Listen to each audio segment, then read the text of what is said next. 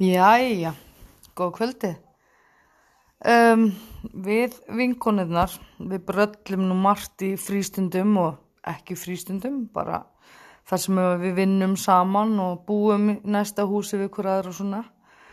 Þá dettur okkur ímislegt skemmtilegt í hug að gera. Og við fórum upp á gósinu núna í gær á sunnudeginu.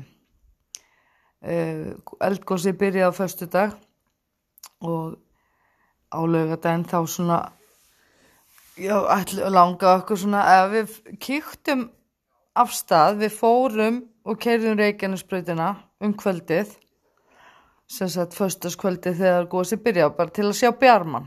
Ég náði þremi myndum á Bjarmannum frá Krísuvíku vegi en það var búið að loka öryggisins vegna og svoleiðis. Allt í leið með það.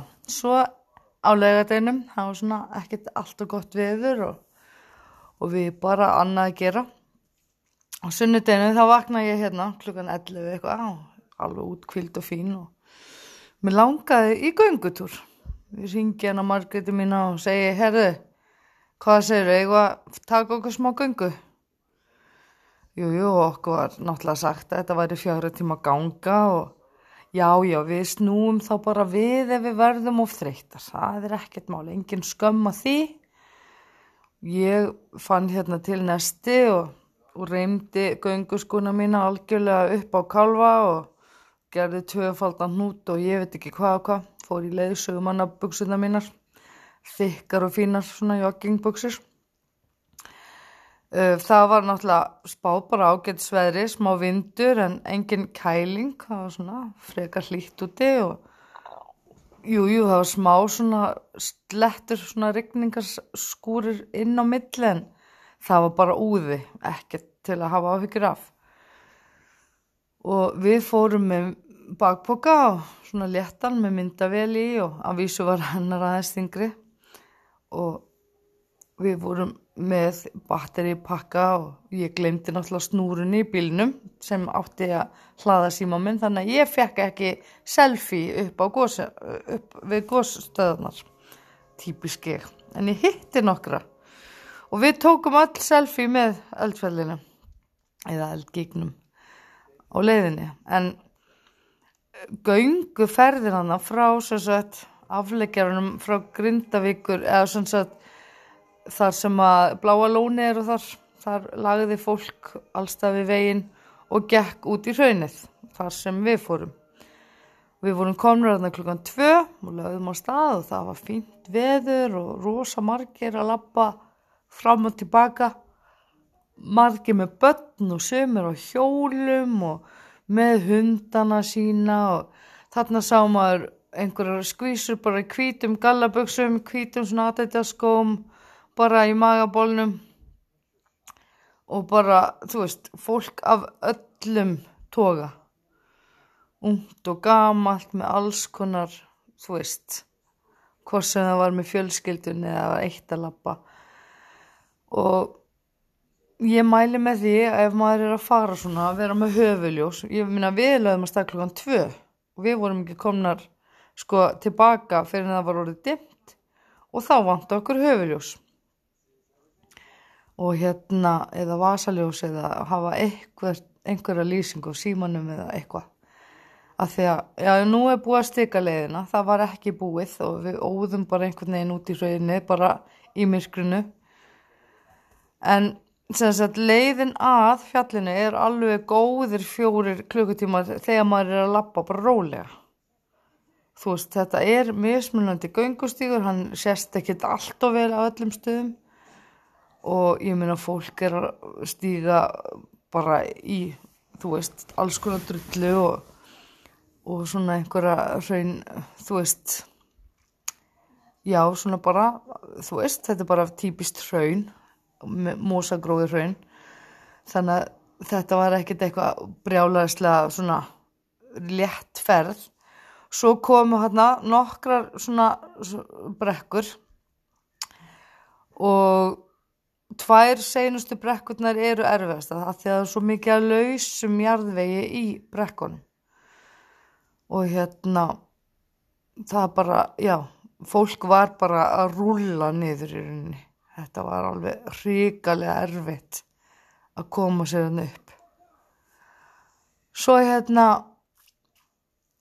þegar maður er búin með þess að tvær brekku þá tekum við svona 1 kilometri kannski, ja, ég veit ekki, hálfur og þá sér, ef maður sér gígin sem sagt, gjósandi og svo ef maður lappar aðeins lengra þá er maður komin út af rauninu en það er alveg ennin brekkan þar.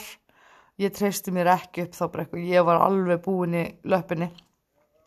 Að því að vöðvafestingin gamla góða hérna úr vonarskarðinu hún gaf sig. Að vísu ofar í löppinni ég var sérstætt já, hægri löppin er oft svolítið leiðilegi eftirdræði en þetta tókst mér og ef að mér tekst að fara upp brekkuna ég fór hægt Margrit var lungu komin undan mér sko. En ég kvildi mig bara og, og gekk nokkur skref, kvildi mig gekk nokkur skref. Og þannig bara gekk þetta, bara þraut segjan svo hitti ég fullt af fólki sem að peppaði mig áfram bara að ah, fimm myndir, fimm myndir er viðbútt fimm myndir er viðbútt og allt þetta bara æðislega gaman.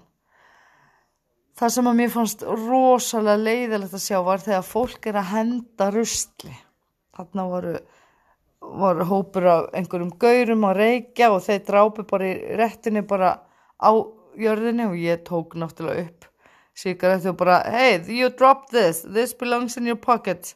Hann horfði á mig eins og ég var í fáviti. Mér var alveg sama maður á alltaf að taka ruslu upp sem maður sér, alltaf. Annars verður þetta bara djöfisir sóðaskapur og fólki verður banna að fara þarna. En já það hefði alveg mátt þegar hraunið eða eldgósi var uppgötu þá hefði alveg mátt finna það út að leiðin frá söðustranda veginu miklu stittri og auðveldar yfirferðar Fólk er náttúrulega að fara þarna, hvort sem að það er gáfulegt eða ekki. Fólk vil sjá náttúruhamfarir og náttúru undur. Það er ekkert allir sem að hafa kosta því að sjá eldgós bara rétt hjá heimahjósir. Og að banna fólki að fara þarna er náttúrulega bara fáranlegt. Auðvitað á bara að hjálpa fólki sem að treysti sér í að lappa þetta raun að komast ánga. Því stittri leið, því auðveldar fyrir alla því minni líkur eru á að fólk týnist. Það er það líka náttúrulega að hafa í huga að vera vel útbúin, vera í skærlitum fatnaði, helst í öryggisvesti, þannig að maður sjáist ef maður dettur og brítur sig einhverstað út í hraunni. Uh, vera með snúru og batteri og sí, við síman sinn, auka, þannig að ég klikkaði því, ég glemdi snúrun út í bíl af því að ég var að hlaða, hlaða í bílinum á leiðinni að góðsinu og gleyma auðvitað snúrunni. En við vorum vel búnar, við vorum með Gatorade og Powerade og við vorum með súkulaði og, og svona með okkur sem átti nú að halda okkur við efnið. Og það er ekki gott að borða máltíð áðurum á fyrr svona bara, maður er bara svona narta í eitthvað létt og vera þá bara að narta bara svona lítið allan daginn af því að ekki vil maður þurfa að kúka eða pissa á, á meðri leið. Það er mjög vandræðilegt af því að það er ekkert þarna, til að skýla manni.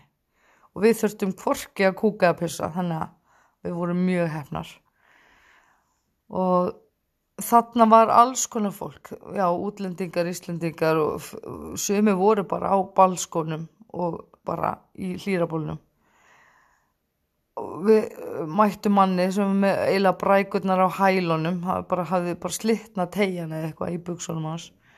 Þú veist endilega verið vissum bara hvort sem þeir að fara á esjuna, úlfarsfell laugavegin, fimmurhals whatever lengri að stittri ferði hvort sem þeir eru vön eða óvön alltaf hafa einhverju svona hlut á hreinu, þú veist. Nýjar reymar, þú veist hafa rullu af duct tape með ykkur ef að þarf að, að teipa skóin saman á, ég meina skóri minn var næstu farin á einhverjum hversum nippum hana ég meina maður sér ekkert alltaf framfyrir löppin á sér og ég meina það eru alls konar kvassa nippur undir þú veist einhverju drullu eða eitthvað. Þannig að maður getur bara alltaf gert betur heldur en maður gerði. Og nú er ég engin sérstök göngumanniska ekki neinu sérstöku formi og við vorum við löpum þessa leið með því hugafari að við gætum snúi við hvena sem er. Svo þegar vorum komnar upp á háubrekkunni þá sáum við náttúrulega glitta í Suðustrandavegin og vorum bara herðu hann er bara nokkur hundru metra þarna frá þú veist, kílometr er ekki langt út á veg og svo þegar maður lappaði vegin þá lappaði maður kannski kílometr eitthvað svo leys út að eh, bæjamörkunum að Grindavík. Þannig að núna á að opna Suðustrandavegin og gera eitthvað skona bílastæði. Það hefur náttúrulega verið gerðu línuvegur hérna og örglega einhver gömul bílastæði og einhverju malanáma eitthvað þannig að það verður auðvelt að retta því og hérna og þeir eru búin að stika veginn hann að Björgun og Sveitamennir en það sem okkur fannst þegar að, sagt, við vorum komna niður af fjallinu og vorum að lappa að veginum þá var fólk bara ekki með neina tillitsemi það var hljóp og hjólaði fram hjá manni með rosalega sterk höfuljós og það var enþá að bætast í upp á fjallið á leiðin tilbaka þannig að við vorum alltaf að mæta fólki með rúslega björnljós og að blindaði okkur. Við vorum bara með eitt lítið ljós með okkur, við glemtum því alveg. Fengum lána ljós hjá manni sem var á hjóli sem var með annar ljós og í félagi með öðrum sem betur fyrr og við erum alveg, já ég lappa bara með okkur. Og hann eftir ekki að býða, við vorum orðin svo þreyttar og við löpum svo hægt en okkur var ekki kallt, við vorum ekki svangar og þá var ekkert að okkur. Þannig að þú veist, við vorum ekkert að byggja Björgunarsveitina um að hjálpa okkur sko. Björgunarsveitin var hérna á rólinu þú veist, á fjórhjólum og á Björgunarsveitabílum upp á vegi og svona. Og ég stoppaði nú einu sinni Björgunarsveitabíl og spurði hvort það væri plás fyrir okkur upp að afleggjarunum að Grindavík en þá var alveg bara spurningin erstu slösuð? Og ég leiði nei, nei, ég er ekki slösuð en ég er orðin örmagna bara já, það er bara ekki nóg. Þú veist, og þarna var fólk sem var svona alvörinu örmagna. Og ég svona að vorkenna mér örmagna. Og svo var þarna fólk sem var bara ennþá skokkandi. Bara hjólandi og skokkandi og bara á einhverju kraftgöngu. Og þarna var komið mjög mikið rók, þetta var svona tíu leiti, hálf ellu um kvöldið og náttúrulega kolnegamirkur og bara svona rosalega upplýstir björgunarsveita bílar á ferð sem að blinduðu okkur vegfærandunar þannig að þetta var já svona svolítið óþægilegt og ég náttúrulega fekk einhvern sand eða eitthvað að reyki auga þannig að ég sá eiginlega ekkert með öðru auganu ég var bara alveg eldröið í því þegar ég kom inn í bíl. Og sá bara einhverja móðu. En það var allt í lagi. Ég komst hérna heim við ítlanleik nei, nei.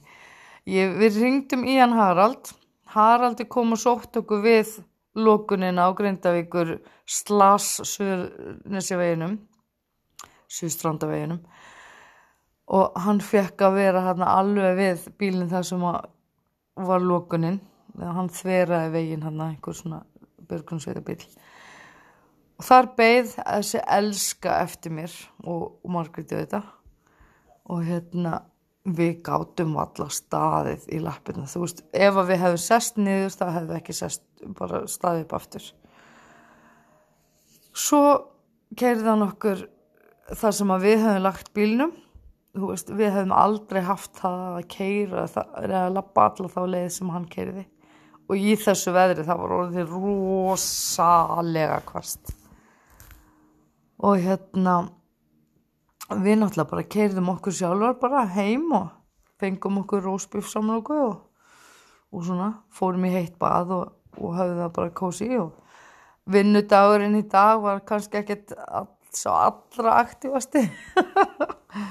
En við erum bara ógeðslega ánaðar með okkur og þetta afreg að því að það skeð ekki, þú veist það hefði svo auðveldlega margt fari úr, geta fara úr skeiðis þannig er erfitt að fóta sig. Er mjög auðveld að mistiga sig. Þarna hefðu skótnir okkar geta eðalagst þarna hefðu maður getið rifið fötin sín þú veist á því að, að renna sér bara rassinum niður brekkun aftur. Ég gerði það, ég rendi mér rassinum niður brekkuna. Sem var bara því lík bara snild og hérna þá var jarðvegurinn ekkert blöytur þannig að ég bara dustaði mér ykkið og held af frá um, göngulegin tilbaka að söðustandaveginu frá fjallinu hún er töluvert auðveldari. Og þeir sem ætla að lappa upp á, upp á eldgóðsunu ættu bara ná, nákvæmlega að fara stikuði leina það er svona tveir, þrýr tímar. Það fer alveg eftir í hvað formi maður er ég myndi rekna með þremu tímum fyrir mig af því að þú veist ég fer ekki upp rekkur mjög rætt en ég fer, fór rætt niður brekkuna bara á rasunum, það er fínt. Og ég er svona svolítið eins og skjálpagan ég held bara sama hraða alla leðina ég er ekkert eitthvað ægilega res til að byrja með og búin á því endan Úst, ég hef bara svona sömu orkuna allan tíman en löppin, hún var að stríða mér. Ég var einhver staðar, einhver staðar er ég með vöðvafestingu sem að samþykir ekki svona ferðaleg og jújú, jú, ég fór hérna vonarskarð 2011 með henni mömmu. Þá vorum við búin að vera að æfa okkur í alls konar göngum, stittri og lengri göngum og þá var hún náttúrulega bara í sínu besta gönguformi, eða mjög góðu gönguformi og vonarskarð er þarna sem sagt við vatnaskil Íslands á milli hvað torfa jökuls eða tungufellsjökuls eða eitthvað og vatnajökuls. Þarna upp á miðhálandi hjá Nýjadal og þar. Og svo gamla dró mig með sér. Já já. Ég var tölu, eða ég var nú kannski eitthvað léttari þá á mér heldur en ég er í dag og náttúrulega tíu árum yngri. Og hún var búin að segja við mig já já þú getur þetta, þetta er auðveld gönguleið og þetta er ekkert máli ekki mikil hækkun og þetta eru bara nokkri kílometrar og eitthvað svona. Nema hvaða þarna einmitt skipti veður, þú veist það var ágættisveið þegar við byrjuðum og við gengum þarna upp að einhverjum svona grjót völu felli einhverju sem var svona klingjandi svona grjót. Það var nú fyrsta brekkan og, bara, og þá byrjaði að regna og það var bara slagveður bara og sætveis á okkur. Ógæðslega kost við komum hana upp að hverunum og, og það voru svona nokkri heitir pottar hana og fólk var að fara í sundfuttin og skella sér í hérna pottin og fekk sér nestispásu og svona. Og, og það var bara rosalega brekka upp eftir þá ferð eftir þá potta. Og ég bara mamma í alvörunni þú veist þetta draga mig hérna upp? Ég þól ekki brekkur.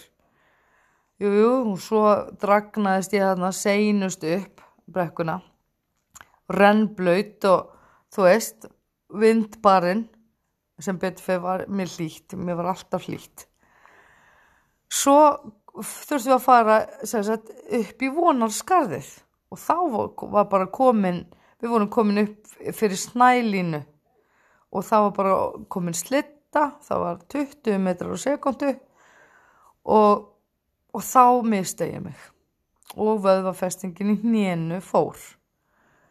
Herðu, þá náttúrulega voru góður á dýr og sem betur fyrir var Björgunarsveitin í Nýjadal en þá í Nýjadal. Og þeir voru enga stund að skokka eftir okkur upp á fjall.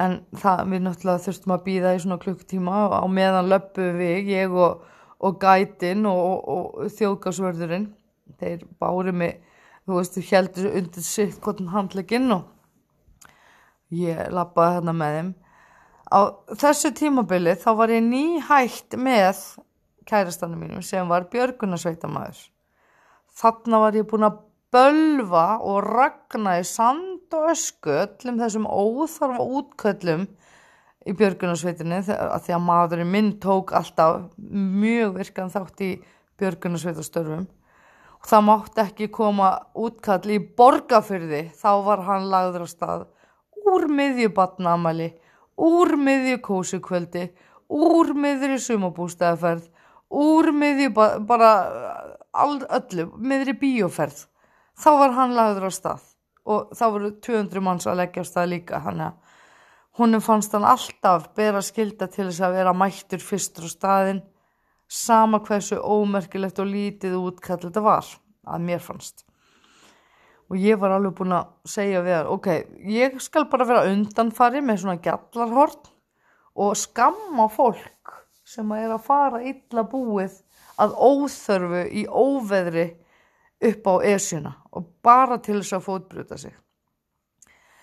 Og ég hef nú haft þann varan á mér sjálf að ég hef alltaf, ef ég hef verið að fara þá er ég vel útbúinn ég mun aldrei láta hanga mig á liðlegum búnaði þegar kemur að því að ég fer eitthvað að brölda upp á eitthvað fjall að því að sko þá er karma þvílikt að býta mér að sinni ef að ég er eitthvað að fara mistiga mig og fótbröta mig við esjurætur þá fengi ég líka bara, þú veist, hæðnispost frá Björguna hann félagi Hafnafjörðar eða hvað sem þetta heitir.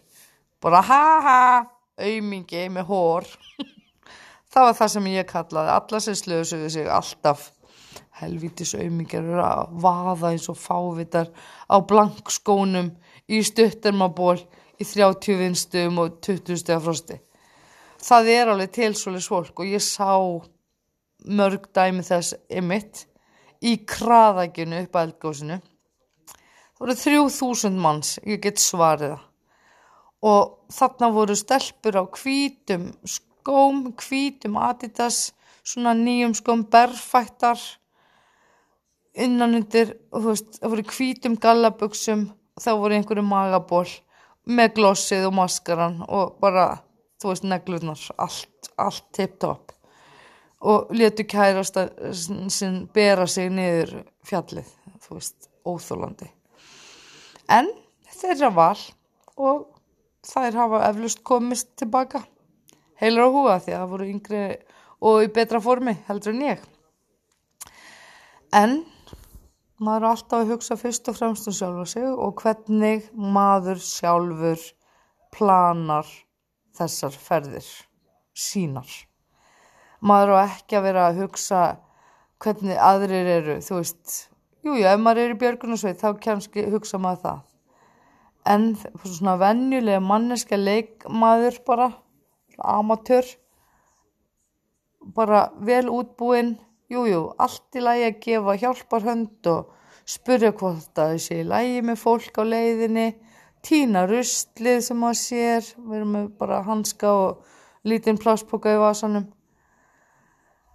Og hérna bara sinna samfélagslegu hlutverki vera til staðar, hjálpa týna ruslið sem hefur fókið úr vöðsónu hjá öðrum vonandi og svo framvegs en upp á vonarskarði það sem ég var að segja á það þar voru við náttúrulega ég og þjóðgarsvörðurinn og gætin bara þeir voru að ljúa mig fulla hana að næstu vörðu, að næstu vörðu, að næstu vörðu, þá sjáum við nú öruglega tilbyggða aftur.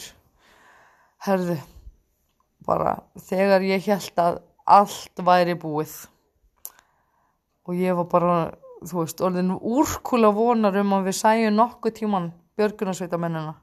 Há komu fjórir bara svona fyrir hæðina eins og menn í dressmann auðlýsingu. Ég heyrði bara tónlistina bara bara eitthvað bassalína bara hann komur hverjum öðrum feguri og þeir gáði mér heita súpu þeir gáði mér Aquarius Prins Polo og svo bara var tekið undir sitt hverja hendin á mér og hlaupið nýra fjallinu. Ég var bara hægt að geta stíði löppina. En ég var alltaf hress, ég var alltaf í góðu skapi og þeir heldu mér upp á bröndurum og snakki bara, ógæðslega gaman. Svo kom ég náttúrulega bara seinust af öllum í skálan með björgunarsveitaköllunum, strákunum. Bara hlæjandi og skellandi þetta ég, var, ég er ekkert döið ég þarf nú að vera döið til að hætta að hlæja sko. Og fekk hérna þess að dýrindi skjötsúpu og allir buðið mig velkomna. Velkomin! Þú hefur haft af. Ég var alveg já já já bara ein löpp eftir hann upp á fjalli já já já en allt endaði þetta nú vel og þetta var alveg tvísint það hópurinn sem var hana upp á vonaskarðinu þau komust bara með naumyndum niður á fjallinu þannig að ég var sem betur fyrir ekki eini lillu auði hérna af því að þetta var bara tæft stóð mjög tæft. Það þurfti að senda björgunarsveitina eftir öllum hópnum. Þannig að við vorum svona 20 myndum á eftir og það var bara komið brjálu blindrið óveður og, og rók og viðbjöður en þetta enda allt saman vel og ég hef stutt björgunarsveitina síðan þá bara með öllum tiltekur og ég að vísu sprengi ekki flugvelda en ég kaup alltaf kallinn og ég er að styrkja á í heimabankanum náttúrulega fæ bara, ég menn ekki hvað þetta er á mánu, tvjóðskall eitthvað og þetta er náttúrulega, jújú jú, auðvitað var maður svektur og þú veist, yfir því að björgunarsveitin var að glenna sig framann í okkur á lokuðum veginum þar sem að við vorum bara næstu í foknar út af og þeir eitthvað að keira ógesla hægt fram með brjálaðislega blindandi ljós, eitthvað blikkljós sem að eigðilegu nætur sínina hjá manni algjörlega. Maður sá bara bletti og díla jújú, jú, það var mjög sökkjandi og þeir gæti kannski íhugað að deyfa þess ljósun þegar á veginum er bara fullt af fólki. Það var bara svona venjuleg ljósbíla ljósbíla ljós ljóskastara ljós en ekki öll þessi blikkljós, bláu og gulu og rauðu ógeðslega skæru ljós. Það var svona það sem ég fannst mjög óþægilegt. Að reyna að sjá eitthvað eftir að hafa verið með þetta í augunum í þú veist allan það tíma. En það er þetta skipuleg geta og jújú, jú, auðvitað er náttúrulega já, já, búið að vera að gera á stíkalegin og græja þetta allt saman. Þannig að þetta var bara upplifun þvílik upplifun og maður er hérna ef maður getur lappað þetta jújú, jú, gengur þá hægt fara og allt það. Og við einhvern veginn bara já, mössum þetta, við ætlum já, hafa baka eira, snúa við bara hvenna sem við erum þreyttar. En við urðum bara ekkert svo þreyttar. Þetta er auðveld per se leið fyrir utan þessa stóru brekku þarna. Og ef maður kemst upp þessa brekku þá kemst maður allt. Algjörlega en einmitt Mjög mikilvægt að fylgja leiðbyningum almannavarna, fara inn á veð.is, tjekka veðrinu og hafa einhvern trakkar á sér, hafa batteri í pakka og snúruna, skærlitum fötum, höfuljós, góða skó, legglífar, eitthvað eitthva hlýtt, hafa layers, hafa lög af fötum, vera með skil, regnskil eða eitthvað og ekkert of þungt. Ég var til dæmis í svona prímaloft, svona dúnúlpu utan er svona flýspeysu sem var rend upp í háls og ég var í langarma svona útivista peysu með svona götum fyrir þumlana þannig að ermarna náði alveg út á putta. Það var mjög þægilegt og svo var ég í þykkum buksum, ég hefði vilja verið í leggingsbuksum innan þetta svona en þú veist, ef það hefði verið blöytt og kallt þá hefði það verið mjög krúsjál. Ég hef með mjög skær gula húa höstnum ég hefði vilja vera í öryggisvesti svona skær guli eða appisnuguli en maður gerir það þá bara næst. Hefur, það, þetta er ekki þungi hluti til að hafa með sér. En mjög mikið öryggistæki. að hafa skærlitar skerleitt föt, ljós og batteri og snúru fyrir síman.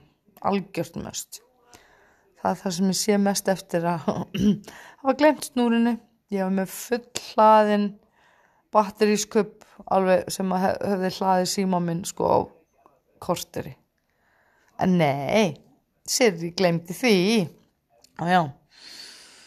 En ég er mjög fegin að ég þurfti ekki að fá björgunarsveitana til að hjálpa mér. Samt á ég öruglega alveg, það alveg inni. Ég er búin að styrkja björgunarsveitana og ég á vera eitt far hann einhvers þar inni. Já nei. En maður verður að býða þangar til ég í alvöru hættu. Og fólk var svona in general mjög passasamt og það voru ekki margir sem að ég sá sem að voru einhverju kritikala ástandi. Ég var í lélegasta formin af því sem ég veit og ég komst þetta þannig að það er einhvern veginn svona gott að vita það þú veist, ég er yfir 100 kíló og ég kemst og ef ég get það þá getur þú það, það er bara þannig. Og Margrét hún var bara eins og klettur hana hún er mjög stöðu á göngu. Hún bara stoppaði aldrei og bara hjælt alltaf áfram. Ég get nú ekki sett það saman mig. Ég allavega ekki upp brekkuna. Ég settist aðeins og oft á leiðin upp brekkuna. En þannig komst ég upp. Þannig svona ég sá kraftmesta gæt sem ég þekki fyrir mér. Og hún kvatti mig og hún bara já þú getur þetta Siri, þú getur þetta já og bara fimm minnur eftir þú veist, ég nota alveg þetta. Nema hvað svo sá ég hana sem að ég var að hugsa til einmitt og ég saði henni frá þessu. Og hún bara í minn einasti í alvöru. Vákvæði glöð þú veist að því að hún svona alltaf bjart sín og, og kátt og hress og rosalega jákvæð og algjör poljana sko. Þannig að bara maður þarf alltaf að hafa einhverja svona fyrirmynd einhvern sem svona stendur uppi á einhverju hæð og hvetur mann alltaf áfram sama hvaða vittli sem maður er að gera. Og þessi kona hún er bara svolítið mitt ædol ef, ef ég geti verið eins og einhver þá myndi ég vilja vera svo hún. Alltaf jákvæð, alltaf glöð alltaf að gera eitthvað skemmtilegt. Og bara einhvern veginn að peppa alla áfram í kringu sig sem er ótrúlega kostur að hafa. Af því að ég meina í þessu COVID ástandi veist þá hefur hún verið manneskjan á Facebookinu mínu sem hefur alltaf verið með jákvæðu fréttinnar og alltaf að peppa fólk áfram og vera bara svona einhvern veginn bara glöð, alltaf glöð jákvæðu bjarsinn ef ég lang, ef ég gæti verið eitthvað þá myndi ég vilja, vilja vera glöð jákvæðu bjarsinn alltaf. Þið er ekki að setja út í hotna og grenja sko, og nei. Og já, maður einhvern veginn þekkir bara eiginlega of marga sem að nota það bara sér til afsökunar já, ég er svo kvíðin. Þú veist, þetta er val í flestum tilfellum að vera kvíðin í alvörunni.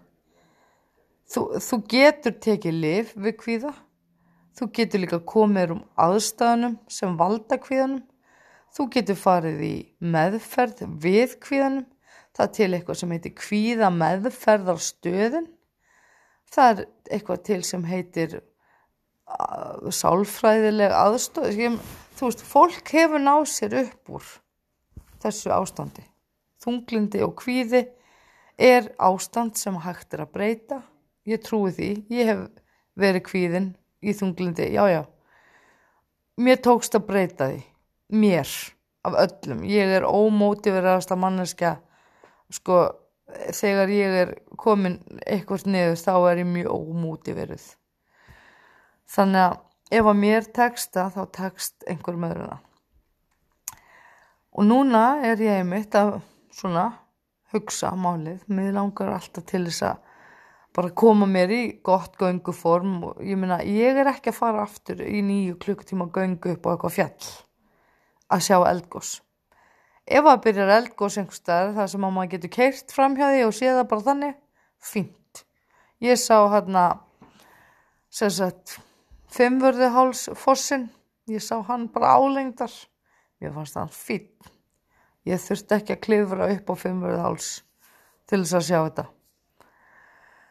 Og ég man ekki eftir að hafa séð fleiri eldgós í lífinu en ég sá reykjar mökkin og gas skíið rýsa upp af eigafellauðekli sko og það var alveg nóg fyrir mig. Ég vildi ekki vera nær heldur en ég var þá og eh, ösku fallið og ösku mengunin dagan eftir. Og ég bara ógæslegt þannig að við erum heppin að fá þetta fallega túristakur sem er hægt að vera alveg ofan í. En einmitt maður sá hérna fólk vera búin að taka sér svaka skel af hraunni og bera með sér niður. Jújú jú, það getur alveg verið auð, auðvelt að gera það í einhverjum tilfellum en þarna var fólk að sína bara mjög hættulega hegðun og bara einhvern veginn að stíga ofan og lappa ofan á hrauninu. Þetta er eggkvast. Ég er með spór í hnénu sem sanna það að ef maður dettur á hnéð í raun þá er maður búin að gata sig og það þarf að sauma það. Ójá, þetta er eggkvast. Þannig að það er eins og þetta að vera þá bara með hnélífar ef maður ætlar að vera eitthvað að brölda um í því mjög beittar flögur sem koma. Þetta er svona bara ja, tinna þú veist tinnu flögur. Svo notaði vopni gamla þetta mjög beitt. En já ég hef búin að tala allt og lengi. En þetta var svona það sem ég vildi segja. Vera einmitt, meðvitaður um veður og hvernig færðin er hversu fljótt veður skipast í lofti líka. Vera velklættur, vel upplýstur björnum og þægilegum fatnaði og, og einmitt örugum gönguskum. Ekki sem þú ert að fara að mistiga þig endalusti það það sem bjargaði mér. Í myrkrinu þá var maður lappandi einhvern ósýnilegan stíg um hraun og ef ég hefði ekki verið í skónu sem var í þá hefði ég lagst örmagna einhverstað út í hraun bara og beði eftir dauðanum. Af því að þarna var bara kraðaga fólki mót umferð og með umferð bara. Og ég lappaði hægast af öllum fannst mér. Og ég var alltaf að stoppa og alltaf að stoppa. En við tókst þetta á endanum. Ég get klappað mér á baki fyrir það að hafa ekki gefist upp. En það munaði alveg litlu sko en að vita á honum Haraldi mínum hana við endan á það sem að lókunin byrjaði. Þetta er nú kannski svolítið lapp en eftir Malbegum vegi það munaði ótrúlega miklu. Þá svona fekk maður smá gullrótt og svona smá umbun hann að við endan á göngunum, göngunni. Þannig að þetta enda nú allt saman vel og ég vil einmitt bara ítrekka það vera vel búin og hafa þetta planað. Hafa alla snúrur með ljós og skærlitan fatnað öryggis hlýfar en ég segi bara góða nótt. Takk fyrir að hlusta